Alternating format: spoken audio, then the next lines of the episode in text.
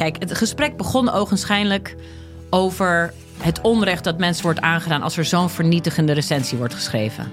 En wat dat met mensen doet. Ja. Daar leek het gesprek over te gaan. Maar gaandeweg, en dat is dankzij goed redactiewerk van mijn eh, redacteur destijds, blijkt dat die test niet deugt. Via podimo.nl slash gonzo luister je de eerste 30 dagen gratis naar Podimo. podimo.nl slash gonzo. Maarten van Rossum en ik, Gijs Rademaker, nemen je mee naar de tijd van de dinosauriërs. Ja, jij vindt het gemene beesten eigenlijk. gemene beesten. Ja, Kijk, nou, kijk naar ze. Beesten zijn niet gemeen.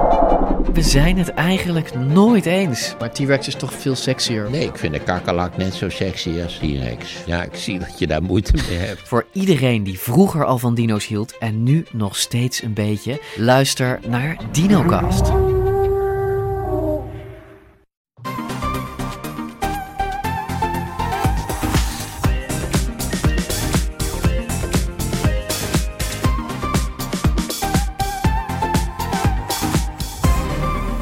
Welkom bij de Bright Podcast van woensdag 16 november met de trending topics in tech van deze week. Mijn naam is Floris en aangeschoven zijn Erwin Hey. en David. Yo.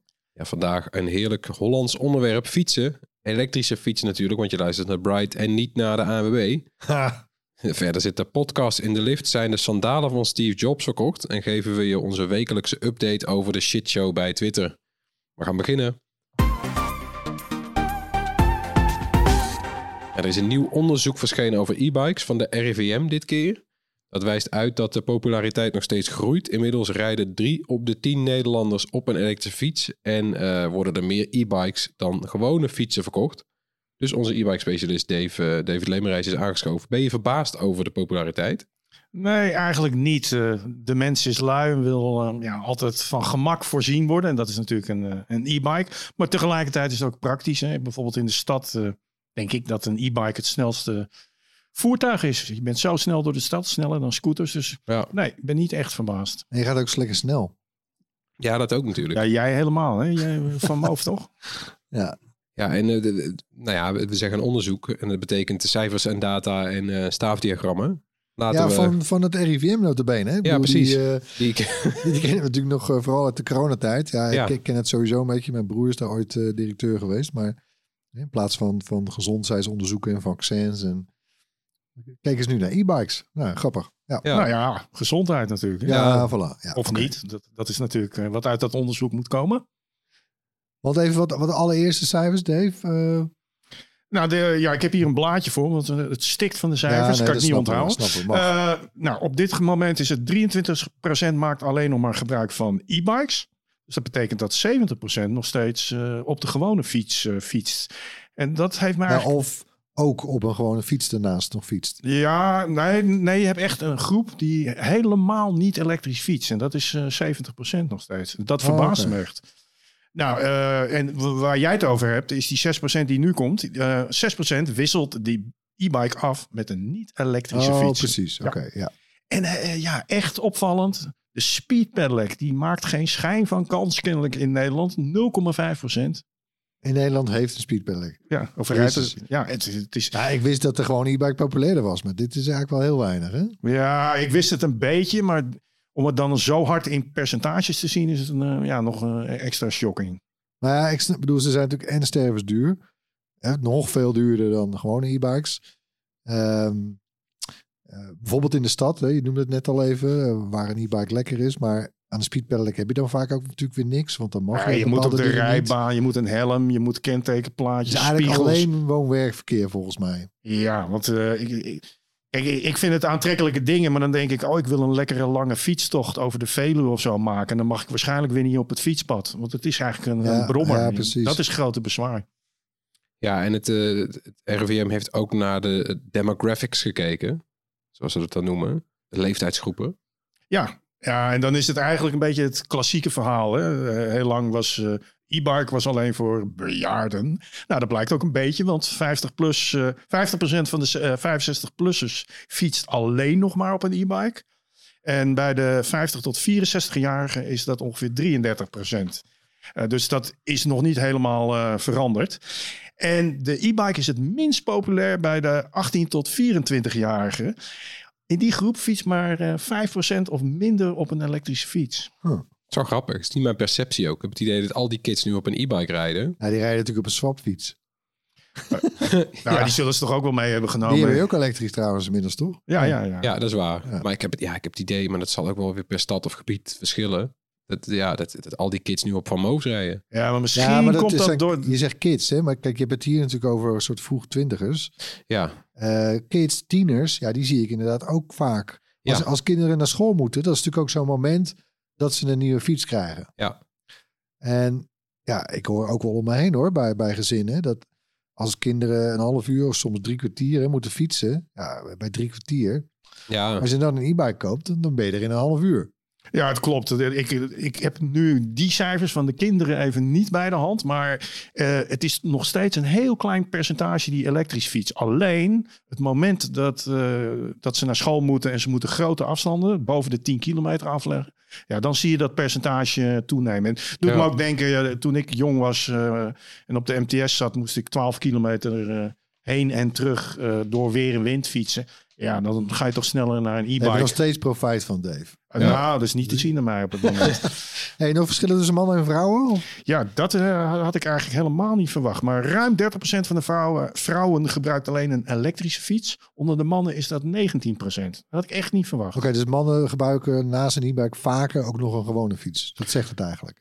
Eh, Nou, het is vooral dat alleen elektrisch Ja, fiets. Want ja, je ja. ziet, eh, als je kijkt ook, want ze noemen ook wel het gemengd gebruik. Ja. Bijna niemand doet gemengd. Dus Maar het is of helemaal elektrisch, of helemaal normaal. Maar Hm. nee. dus al die getallen waar we het over hebben is inderdaad eh, Of het een of het ander. of Ja. het benenkracht of elektrisch. Nou ja. Ja, en ik, om nog even terug te komen op die leeftijd. Ik heb hier gekeken in het onderzoek. Er is ook gekeken naar de leeftijd 12 tot en met 17 jaar. Eh, ja, precies. Ja, daar zit het percentage op 7,6 procent. Dus dus meer eh, dan bij die 28 tot Ja, zie je 24-jarigen. Ja, iets meer, maar het is Ja, nog meer. steeds weinig. Terwijl eh, Floris net zei van, ik heb het idee dat ze er allemaal op fietsen. Ja, Maar- ik denk, ja, ik denk dat het ook een sneeuwbaleffect is wat nu heel snel gaat komen. Ja. Zo'n Van Movers hip. Ja, weet je, als, als je Ik drie van zie, jouw eh, vrienden... het is ook, ja, het is misschien een vertekend beeld. Ik, als ik op de pont sta van Amsterdam Noord in de stad of andersom, dan staat het dus vol met eh, schoolgaande kids ja, op op elektrisch. Venmo's. Vooral ook nog eens. Ja, Ja, ik en denk je- dat dat net zoals de smartphone, Ja. de, de sneakers en de weet ik wat is. Ja, dat, dat, zal, dat zal alleen maar toenemen. En ja, of dat eh, en je goed wil is, dat letterlijk dat ik je kind meekomt met de rest natuurlijk. Ja, het zal daar ook zeker een soort statusding zijn. Ja. Dat weet ik zeker. Nou ja, Ja, je, dat komt, je houdt gewoon de rest niet bij natuurlijk. Dus je verliest dan de, de aansluiting. Dat zou voor mij een smoes zijn bij mijn ouders. Alsjeblieft, al mijn vrienden die zijn eh, die rijden ja, en Ja. ik rij hier achter. Ja, ook als pa zeggen, dan fiets je maar wat harder. is goed voor je. En eh, in het onderzoek zitten ook dingen over eh, waar men vooral elektrisch fietst. Hè? Mm, Of althans, Oh ja, nee, nee, nou ja, in de dun eh, bevolkte gebieden. We hebben hier platteland staan. Volgens mij mag je dat bijna niet meer zeggen. Maar, Maar eh, goed, is het nee, maar het is ook logisch. Ik bedoel, de afstanden zijn er gewoon veel groter. Dus eh, ja, dan, dan, dan pak je iets wat gemakkelijk is en dan kan je die afstand overbruggen. En wat je ook ziet trouwens, dat is niet zozeer eh, waar, maar dat mensen met overgewicht en mensen met een lichamelijke beperking relatief vaker een e-bike gebruiken. Maar dat lijkt me ook voor de hand liggen. Ja. Hoewel het voor iemand met overgewicht misschien aan te raden is om, ja, het is makkelijk voor mij om dat dan te zeggen, dan toch die gewone fiets te pakken. Maar eh, ja, ik begrijp het wel. Ja, en ook, want dat, dat komt vaker uit dit soort onderzoeken naar voren, is dat zo'n elektrische fiets een heel goed alternatief voor de auto is. Dus dat, zo- zo moet je dan ook altijd maar zien. Van, nou ja, zo iemand die, die fietst waarschijnlijk minder zwaar op een elektrische fiets, maar het is nog altijd beter dan helemaal niet fietsen. Eh, dat is waar. Ja, dat, wat ze nou niet in dat onderzoek laten zien is, eh, bij, als je dan, want dan ga je heel diep op de materie in. Maar bijvoorbeeld mensen met een aandoening, eh, of die dan eh, vaker de e-bike of de auto pakken, dat kan je er dan weer niet uithalen. Dus Ja, die- precies. niet alles is even duidelijk. eh. Nee. Er stond ook wel iets in over opleidingsniveau. Ja, hè? het is echt, dat had ik echt niet verwacht. Eh, hoe hoger opgeleid, des te minder vaak mensen een e-bike eh, pakken. Sterker, hoe hoger opgeleid, des te vaker fietst men uitsluitend op een gewone fiets. En dat gaat echt om, nou, ik weet het niet, maar het was wel 99% of zo van de allerhoogst opgeleide zal ooit een e-bike pakken. Die fietsen allemaal nog gewoon op benenkracht. Apart, hè? Ja, en er wordt dan verder ook niet uitgelegd waarom het is. Daar kan je dan naar gissen. Nee, maar je, je ziet wel vaker in allerlei eh, willekeurige onderzoeken, van, van rokers tot eh, sporten, et cetera, dat hoogopgeleide ja, kennelijk wat beter voor zichzelf zorgen qua gezondheid. Dat komt vaak naar voren. Ja, maar ik kan me ook nog voorstellen dat het gewoon te maken heeft met waar je werk is. Eh, ik kan me voorstellen, hoger opgeleide mensen werken volgens mij vaker iets verder van huis. Misschien weer net te ver om met de e-bike te gaan. En dan moet je toch maar de auto of de trein pakken.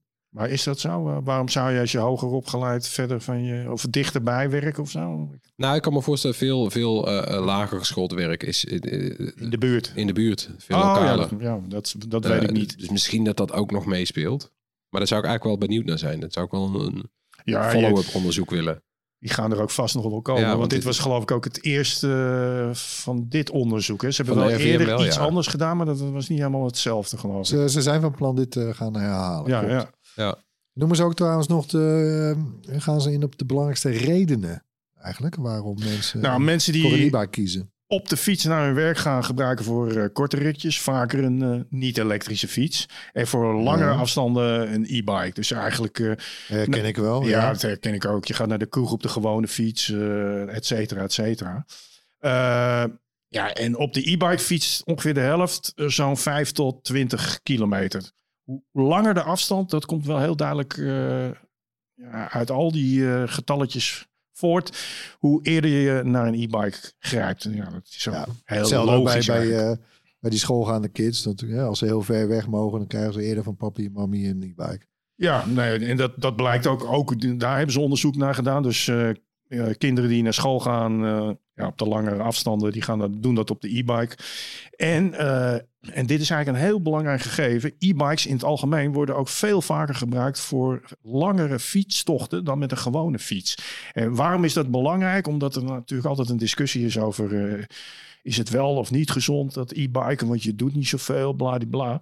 Maar ja, dat komt er eigenlijk, daar gaan we straks nog iets dieper op in. Maar met een elektrische fiets wordt er vaak eh, meer en langer gefietst. En dat levert uiteindelijk toch ook weer gezondheidsrendementen op. Wat, de- ze hebben ook nog even eh, geïnventariseerd wat mensen als belangrijkste redenen noemen. Ja, nou, wat ik eigenlijk al aangaf, gemak. Dus eh 70% die zegt, ik gebruik hem omdat het makkelijker fietst. Een andere veelgenoemde reden is langere afstanden. Vaker fietsen, dus dat zijn mensen die, die kopen zo'n ding, die, die denken... of misschien doen ze dat dan ook daadwerkelijk... dat ze daardoor vaker gaan fietsen. Met, eh, en dan is er een klein groepje, 18%. Nou, dat is Ja, ook nog wel een aardige groep. Die doet het puur om eh, sneller te fietsen. En, dat Ja, zijn, ja. en wie zijn dat? Dat zijn de jongeren.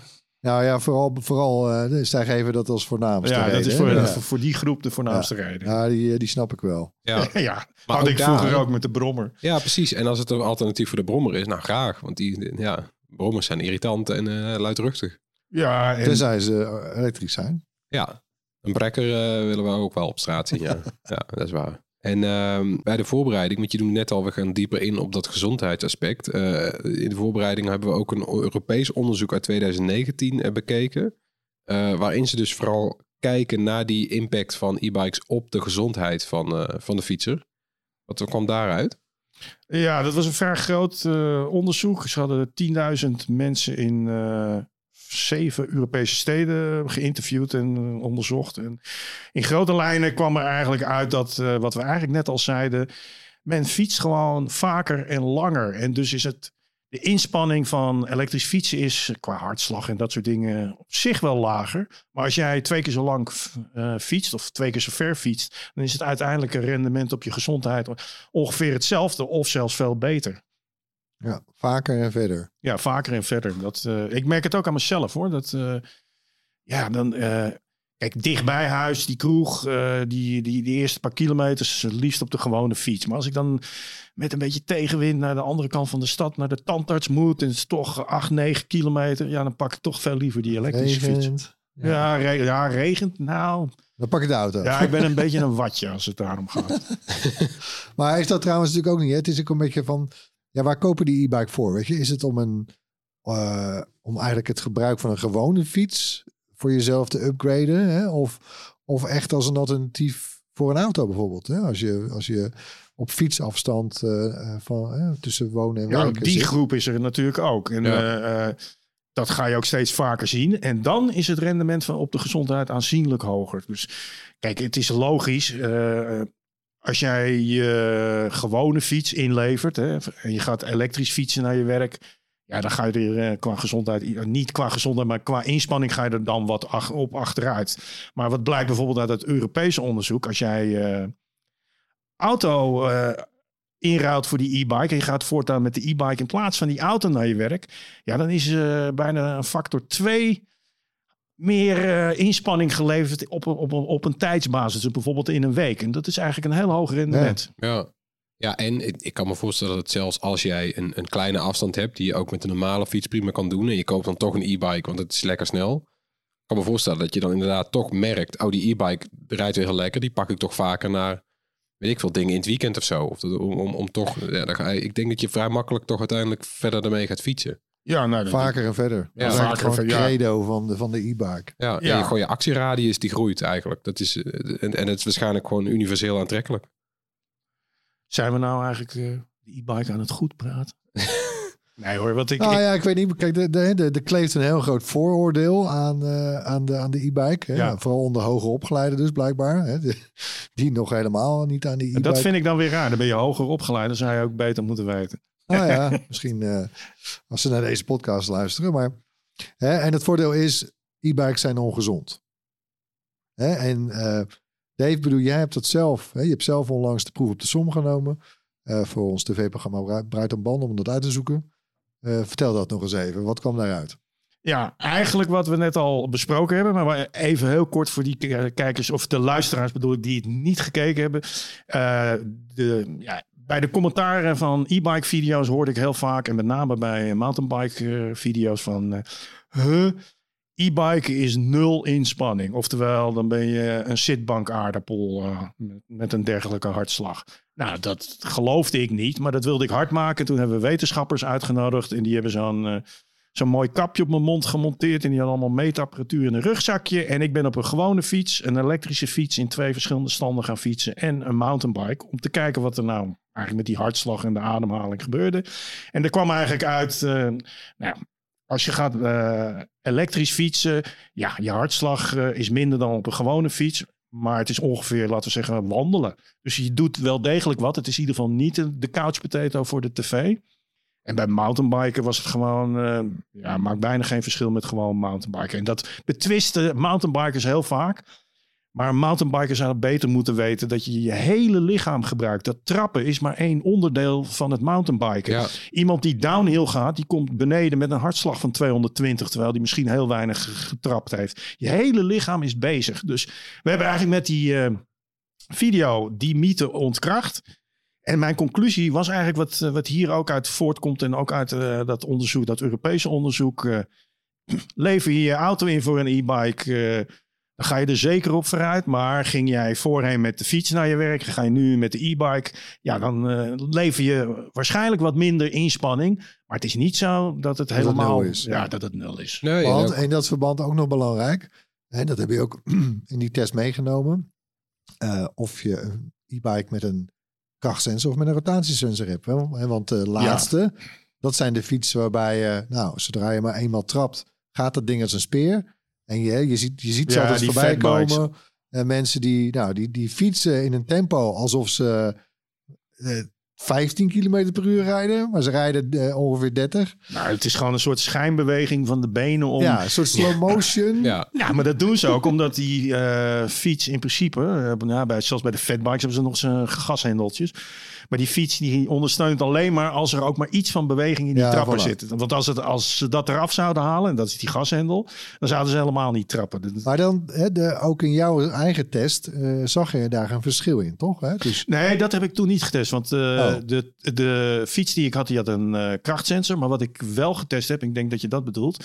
Ik heb verschillende ondersteuningsstanden genomen. ah, juist. Dus ik had een, de, de turbo-stand, hè, maximaal. En dan de, ja, zeg maar de standje 2, zo ergens in het midden, net eronder. En tot de grote verbazing van die wetenschappers was dat verschil helemaal niet zo groot. Dus Aha. zelfs op de volle ondersteuning waren zij verbaasd dat je... Of de hoeveelheid inspanning die je eigenlijk nog steeds Ja, levert. ik bedoel, het, was niet, het is niet dat je heigend aankomt. Dat, daarom rij je elektrische en fietsen. bezweet. Nee, en dat Ja. vind ik een goed argument. Maar het is ongeveer gewoon eh, ja, te vergelijken met een, eh, een wandeling. Ja, een fiks- wandeling is gezond. wandeling, Ja. Ja. En het is ook al vaak gebleken dat het voor bijvoorbeeld vetverbranding, als je flink moet afvallen. eh, ik heb al van meerdere mensen gehoord, dat heb ik wandelend gedaan. Ja, dat is helemaal ook eh, inderdaad helemaal niet goed als jij eh, alle, alles in het rood hebt zitten. Nee. Nee, voor vetverbranding- meer net daaronder. Ja, dus wat dat betreft is het juist misschien ook als je gewoon eh, overgewicht hebt, is het hartstikke goed om zo'n e-bike te kopen. Dan hou je tenminste ook vol. Weet je wel, ik vind ook zelf. Ja, wel eentje dan waarbij ze daadwerkelijk ook moeten trappen. ja dat wel. Dus Ja, niet- je moet gewoon, eh, je moet eh, gewoon een krachtsensor Ja. achter. Tegenwoordig, het, het, die, die andere... het- ja, er is een doelgroep die dat eh blijft fijn vindt blijven, die rotatiesensor. Maar je ziet steeds meer fietsen die toch naar dat andere, Ja, naar die krachtsensor gaan. Het, is gewoon, het fiets gewoon veel natuurlijker. Maar, want dan geeft een e-bike, die, die geeft je ondersteuning naarmate jij... jij eh, bepaalt eigenlijk... eh, hoe harder jij trapt, hoe meer ondersteuning. Ja. Hoe minder je trapt, hoe minder ondersteuning. Ja, precies. En dat, dat, dat heeft ook echt een praktisch voordeel. Want jij gaf het net al aan. eh, die, die mensen die nauwelijks die trappers bewegen, die gaan wel eh 25 of als hij opgevoerd is 35, whatever.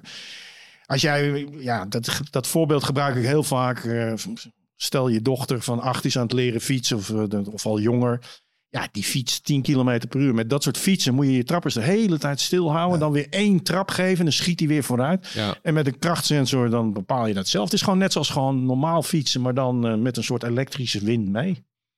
Ik vind als voetganger trouwens ook eh, het prettig als, als zo'n eh, zo'n krachtsensor.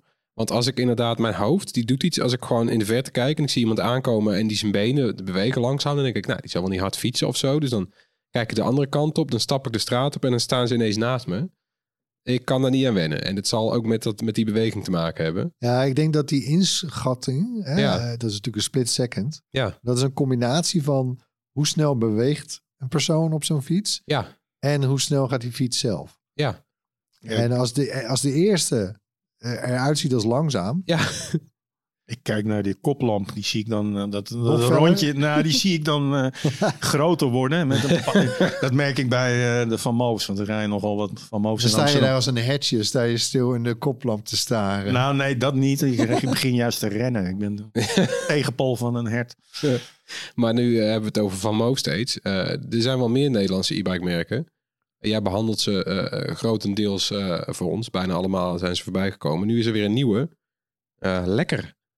Ja, lekker hè? Ja, daar heb jij een eh, video over gemaakt. Die komt vanavond op ons YouTube kanaal. Misschien is hij al uit als je dit luistert. Even heel kort, Dave. Ja, wat, wat wat is het? het voor bike?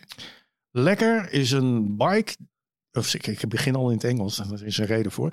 Lekker is in Amsterdam geboren en opgegroeid in Australië als merk. Dus Aha. het is een Nederlander die eh verkast is naar Australië. Daar is hij de Nederlandse elektrische fiets aan de man gaan brengen. Ze hebben dus eerst in Australië die fiets gehad. Maar het is ook echt, dus, zeg maar, het mag het niet zeggen, maar komt in de video ook zo naar voren. Eigenlijk een elektrische versie van de ouderwetse damesfiets. Zo ziet hij er ook echt Ah, ja. uit. Met rekjes voorop en bladibla. Heel praktisch. En pas later, dus een paar jaar nadat ze begonnen zijn, zijn ze naar Nederland gekomen. En daar gaat het hele verhaal over. Het is echt een uh, no Het is Hollandser dan Hollands. eh, Ja, het is Hollandser dan Hollands. Het logo is zelfs een Amsterdamse kruisjes met een tulpje. Nou, Kijk. hoe, hoe. Nederlands kan het? Ja, dan is het nu weer tijd voor onze security quiz. Want de podcast wordt deze week weer gesponsord door Bechtle. Dat spel je B-E-C-H-T-L-E. Dat bedrijf is al tientallen jaren een van de grootste Europese IT-partners. En ze weten bij Bechtle ook heel veel van IT-security. En dat is steeds belangrijker, want het aantal cyberdreigingen wordt steeds groter. En om te demonstreren hoe ingewikkeld security kan zijn, doen we een korte quiz. David, jij doet voor het eerst mee. Hey, ja, ik ben, Ben je nog- zenuwachtig? Ja, Ja, nou, het zijn drie vragen. We beginnen meteen. Eh, vraag 1. Wat is het nut van een backup? A. Zodat je een weggegooid bestand terug kan vinden. B. Zodat je bij brand een reservekopie hebt. C. Zodat je bij een hack een schone versie van je data hebt. Nou, Dat is allemaal heel specifiek, hè? Hè? Ik zou zeggen, all of the above. Ja ik, ik heb ook alle, al- allemaal. Ja, allemaal goed. Ja, high five. High five. Maar vooral de opties bij ongevallen of hacks die wegen zwaar. Bij brand of ransomware kan je hele bedrijf stil komen te liggen zonder een backup. Controleer die backups dus ook altijd goed. Vraag 2. Wat was de grootste cyberaanval van vorig jaar? Zijn er nog wel bij voorbij gekomen? A. Kaseya. B. SolarWinds. Of C. Log4j. Eh, Ik gok. ik, ik dacht die kaasfabriek. eh, Waardoor ze... maar ik doe lok voor... ik, ik- ik- maar dat, dan niet- doe ik Casea. ja, ik doe lok voor G of wat, wat was het? Ja, Log, Log4j, ja. Of Ja, voor nee, J? Erwin, eh, ja, Erwin heeft gelijk. Het was eh Casea. Daarbij eh, werden zeker 1500 bedrijven getroffen door ransomware eh, van het collectief Reveal. De andere twee aanvallen troffen ook ontzettend veel bedrijven, maar de schade per bedrijf was daarbij kleiner dan bij Casea. Eh, dan vraag 3, de afkortingsvraag. Een acroniem. Ik noem een IT-afkorting, jullie noemen hem voluit. Daar gaat hij. OSINT. Stilte. Open Oh shit. source. Ja, eh, open source. eh, ik- technology. Ik, ik, ben, ik ben hem met stomheid geslagen. Nee, Open Source Intelligence. Dat is een methode om met openbaar Oh, beschikbare natuurlijk, ja, ja, ja. informatie... Ja, dus, eh, ja we kennen dat. Bellingcat. eh, Bellingcat, Ja, ja, ja, ja. Oh, oké. Precies, het gaat zover als het gebruiken van reflecties in brillenglazen om wachtwoorden te ontdekken. Bijvoorbeeld inzoomen op foto's van sleutelbossen om in kantoorpanden in te breken. Ja, ik zag laatst nog die docu van over Christian. Christian Treibert, ja, van eh, Bellingcat. Ja, Ja, in, inmiddels New York Times. Pulitzerprijs gewonnen daarvoor. Ja, bij mij eh, kwam het door de head. zenuw hoor. Dat ik, eh, Ja, joh, is dat, dat ja, ik is zat even een blackout, weet je. Ja, ja. ja, Ja, ja. Nee, ik wist Ik heb wel gewonnen, vind ik. Ja, dat is waar. heb je ook. Maar we hebben vooral weer laten zien dat IT-beveiliging nog best wel ingewikkeld is. En Bechtle helpt daarbij graag een handje. Dat doen ze via hun security ladder. Beklim als het ware die ladder en je bent helemaal klaar voor alle digitale dreigingen. Meer weten? Kijk op securityladder.nl. Dan gaan we door met het hoorspel waarin we elke week een techgeluid laten horen. Dit was het geluid van de afgelopen twee afleveringen. Ja, Is het geraden dit keer? is geraden. Heel Oh, obscuur. wauw. Er was een hintje voor nodig. Ja, we horen het, eh, het, het uitzetten van de batterij bij het opladen van een eh, Tesla-auto. Huh. Man, dan moet je wel... eh, Eh, alleen Tesla-rijders weten dat dus. Ja, nou ja, de, ja of, of iemand die gewoon goed heeft opgelet en, en ook benieuwd was in het nieuwsbericht en dat heeft afgespeeld. Want zij hebben het ook ergens opgeduikeld op volgens mij zo'n zo'n eh, site over elektrisch vervoer. En nou, in ieder geval, de luisteraar die twittert is Jeroen Kemp. Toch heel knap. Ja. Gefeliciteerd dus Jeroen. We sturen je een Bright trui op. En Ja, het- een trui, hè? Een trui dit Mind keer. you. Ja, het is koud. We hebben natuurlijk ook weer een nieuw geluid. Komt-ie.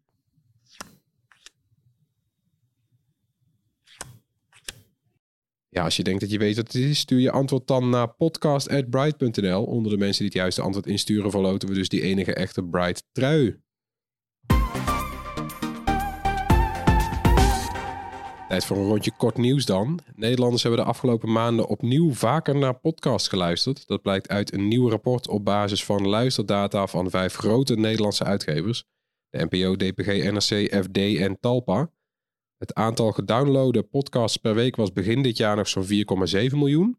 Maar is afgelopen tijd ruim 5 miljoen per week. Die trend kunnen wij trouwens ook bevestigen. De Bright Podcast is recent gegroeid naar meer dan 50.000 downloads per maand. Uh, de Nederlandse podcastgebruiker downloadt gemiddeld 3,5 podcast per week en luistert gemiddeld een half uur per podcast. De categorie nieuws is veruit de meest populaire en ook, uh, en die was in het tweede kwartaal goed voor 42% van die podcast downloads. Uh, en ook podcasts over mens en maatschappij en sport waren populair. NRC Vandaag en De Dag waren de meest beluisterde podcasts in het eerste halfjaar. De NPO heeft uh, het grootste aantal podcasts, 547 in totaal. Zo. Samen goed voor uh, ruim 26 miljoen downloads in het tweede kwartaal. De FD Media Groep en DPG Media volgen met beide ruim 10 miljoen downloads. En uh, Nederlanders gebruiken vooral Spotify en Apple Podcasts om podcasts te luisteren. Dat zien wij ook in onze data. Beide apps hebben een marktaandeel van een kleine 30%. Podcasts worden meestal beluisterd via een mobiel apparaat. 93% van de gevallen. En weinig op computers 5% en slimme speakers 2%. Nederlanders downloaden podcasts het vaakst tijdens de ochtendspits. En gevolgd door de avondspits. Ja, ik zie dat zelf ook wel trouwens. Doe, was ik een paar jaar geleden nog de enige bij ons thuis die een podcast luisterde. Uh, inmiddels mijn vrouw ook, mijn dochters ook. Ja, mijn, mijn jongste dochter die luistert dan naar de podcast van Sinterklaas. Ja, ja. ja die heeft er ook en, een. Ja. mijn vrouw naar, wat had ze nou? Van Nick, Nick Cage, Nick, Nick Cave, hoe heet die gast ook weer? Die zanger? Ja. Met die de donkere stem. Ja, Nick Cave, ja. Cave, ja. Uh, nee, ja, ik vind het opvallend. Ik zie het ook echt steeds ja. meer om me heen. Ja, het is, ja, het is selectief luisteren. Weet je, het, uh, tv gemist. Dat gebruik je ook omdat je gewoon zelf wil bepalen wanneer. En, en ja, als je dat vergelijkt met de gewone radio, dan zit je gewoon vast aan het moment eh, Ja, want wat er ja, op de radio bijvoorbeeld in de auto is. precies. En er staat ook de NPO, eh, noemen we, die heeft de meeste eh podcasts. Ja, in, bij de NPO zijn ook heel veel radioprogramma's, worden gewoon opgeknipt en als podcast online gezet. Ja, dat werkt natuurlijk ook lekker, want er zijn heel Ja. veel goede radioprogramma's die overdag worden uitgezonden. Ja, ik heb de radio niet aanstaan, maar dan hoor je later weer, het is toch interessant om naar te luisteren. Het is Ja, eigenlijk de nieuwe radio. Ja, het is nu Ja, ja, het is ja, gewoon on- de on-demand nieuwe- radio, ja. Na meerdere keren te zijn uitgesteld heeft NASA vandaag succesvol een raket naar de maan gelanceerd. Jee. Hey. De raket is voorzien van zonnepanelen gemaakt in Nederland. De onbemande missie eh, Artemis 1 moet de weg vrijmaken om over een paar jaar weer astronauten op de maan rond te laten lopen. En als alles goed gaat, keert het vaartuig rond 11 december terug op aarde. Ja, nee, we hadden natuurlijk, we hebben ook eerder stilgestaan in een Breid podcast eh, bij de eerste poging. Toen in Ja. de aanloop daar naartoe met Anna nog, weet je. Eh, ja. dit was geloof ik de vijfde poging, zesde. Ja, want het was steeds weer, was er Ja, weer wat en stond er een verkeerd. orkaan, Of, Ja, eh, Ze- ze ja. zijn een beetje weersgevoelig, die raketjes. Ja, Maar het is gelukt. Ja, nou, Ja, ja, ja, mooi. toch wel vet. Ja, maar Ja. een slecht moment wel tijdens het ontbijt of zo. Ik, dit, dit, eh, ik had het nog niet gezien of het was al gepiept.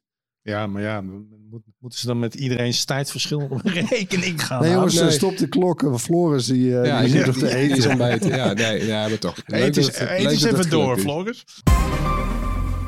Voor een paar gebruikte sandalen van eh wijle Apple-oprichter Steve Jobs is op een veiling in New York bijna 220.000 dollar betaald. Het gaat om bruine Birkenstocks uit mid-jaren 70. Volgens het veilingshuis eh, is op het kurken voetbed nog altijd de afdruk van de voeten van Steve Jobs te zien. Hij droeg ze onder meer in 1976 toen Jobs samen met Apple-medeoprichter Steve Wozniak in een garage in Californië werkte aan de allereerste Apple-computers. Jobs stierf in 2011 aan de gevolgen van alvleesklierkanker. Mag ik dan de mededeling doen dat ik eh, nog drie paar sandalen thuis heb? eh, waar ik ooit misschien een keer mee op de e-bike heb gezeten. Die, Ja. die ik graag zou willen veilen. Nou ja, het is bijna een beetje... het doet een beetje, hoe heet het toch, met, met de stigmata. Ook, ook die, eh, die, die, die christelijke reliquieën bijvoorbeeld in... hè, met het gewaad, eh Ja, ja, doodgewaad van. Jezus. En daar moest ik een beetje aan denken Ja, meteen. splinters van het kruis. Daar zijn er ook zoveel van dat je er een, een, cruiseschip van kan bouwen. Maar Ja. ja, dit- en ik misschien is het ook wel nog wel... Omdat Elon Musk natuurlijk een beetje van zijn voetstuk is gevallen. Althans, bij ons heb ik de indruk. Of in ieder geval bij jou, Floris. ja, Ja, bij mij Dat, ook eh, dat mensen dan toch weer teruggrijpen op de, op de vorige held. Misschien, eh, Steve Jobs. ja, die het wel waarmaakt. Ja, Of in ieder geval op tijd dood, is doodgegaan dan, kun je zeggen. ja Oh. dat, dat moet je nooit Nee. zeggen. Maar nee, Nee, ja. dat mag niet. Dat mag je niet zeggen. Nee. Ja, en om weer terug te komen bij die eh, Musk. Het blijft rommelen bij Twitter. Sinds vorige week is er weer veel veranderd. Eh, een boel belangrijke topmensen die zijn vertrokken. De leiders van de teams over privacy, eh, veiligheid, naleving van regels en moderatie zijn weg. De hele communicatiedeling is, eh, de, de communicatieafdeling is weg. Dus je kan ook niet meer bellen van klopt dit? Want er is niemand die jou dat kan eh, vertellen. Alles wordt nou een beetje gecommuniceerd via Musk.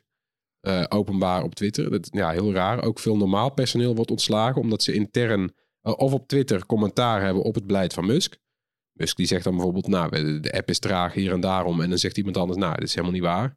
Je weet niet het over hebt. Ontslagen. Ja, ontslagen. Gewoon, you're fired. Ja, meteen op Twitter. Want de mensen gaan dan ook weer van die Musk-fans vragen dan aan Musk, pik Ik je dacht dat? het toch zo'n platform moest zijn waar, waar iedereen alles kon zeggen. Ja, nee, eigen personeel niet. En eh, nou ja, die, die blauwe vinkjes, die zijn ook eh, vorige week donderdag eh, gelanceerd eigenlijk. Die kon je dan, daar kon je voor betalen. Nou, dat werd meteen misbruikt, direct. Ja.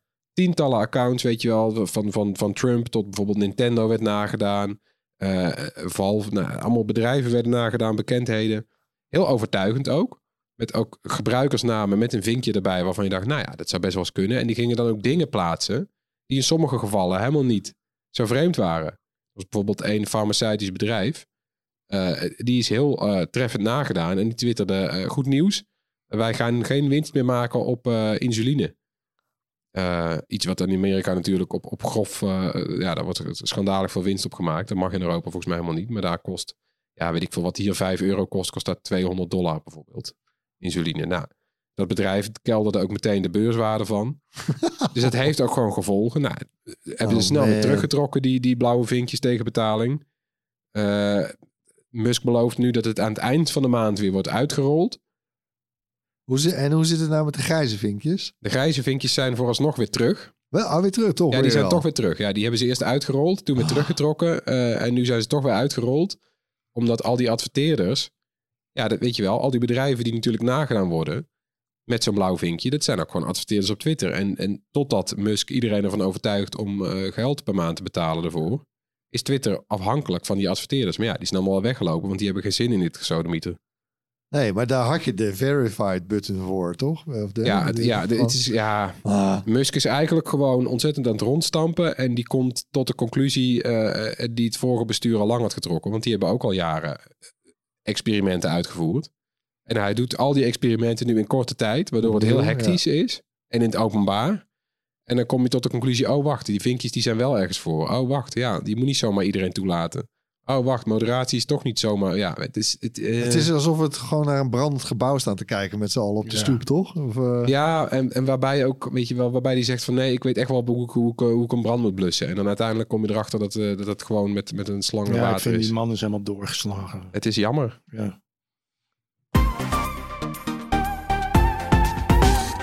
Tot slot, zoals elke week weer onze tips, beginnen we natuurlijk met David. Ja, een beetje vreemde tip. En dan ook alleen voor iPhone-gebruikers.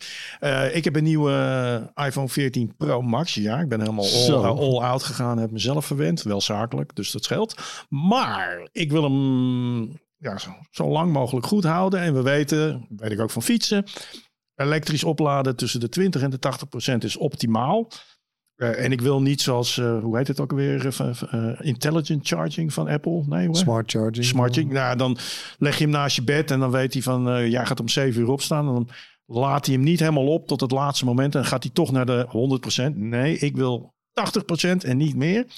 Gekeken of daar goede apps voor waren. Ja, ze, ze zijn er wel, maar dan moet je elke keer als je hem inplugt of ergens oplegt, moet je de timer aanzetten. Dus ik heb een shortcut automation zelf gemaakt. En als hij dan 80% bereikt, dan krijg ik dit geluidje te horen.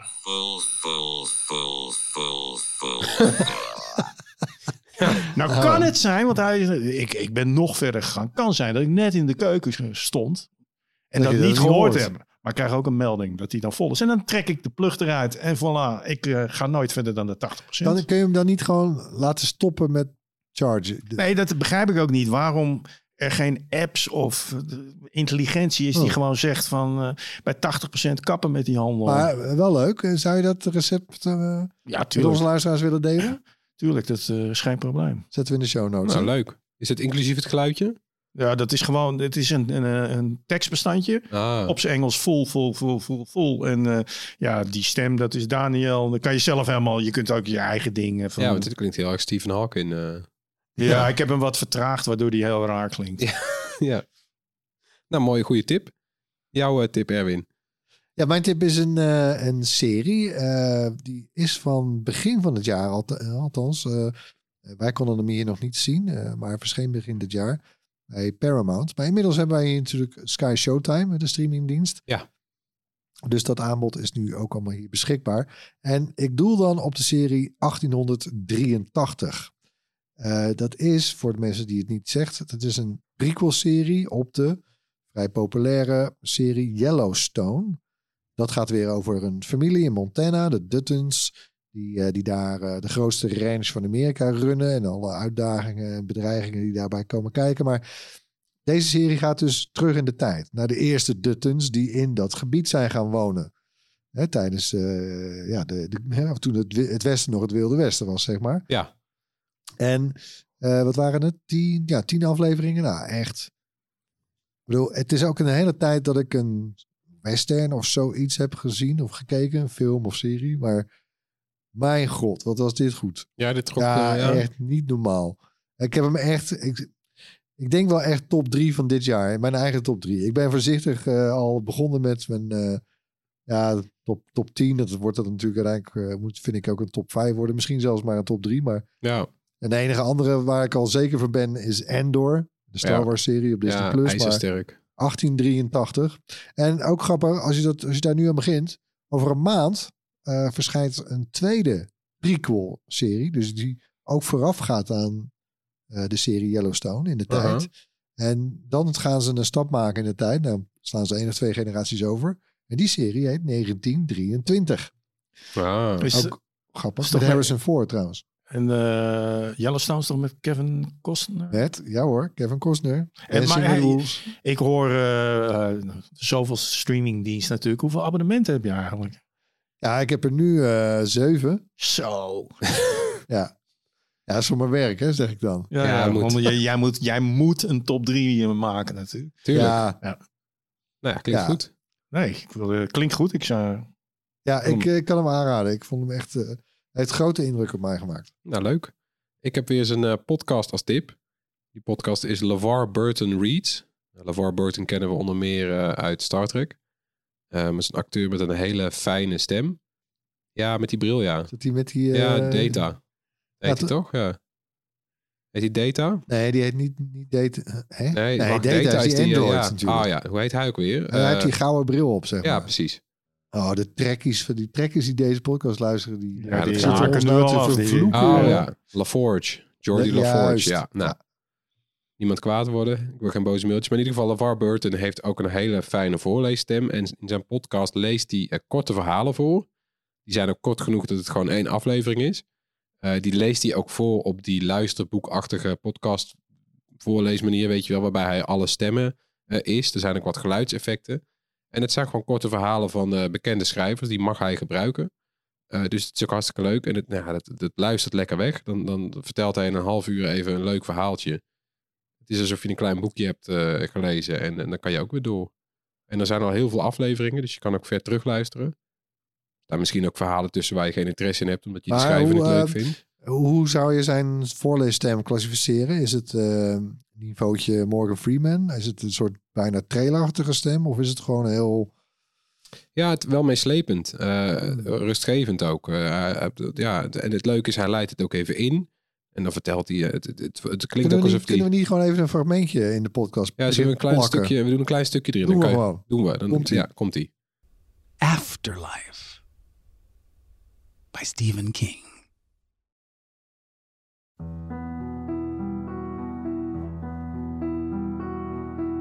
William Andrews, an investment banker with Goldman Sachs, dies on the afternoon of September 23rd, 2012.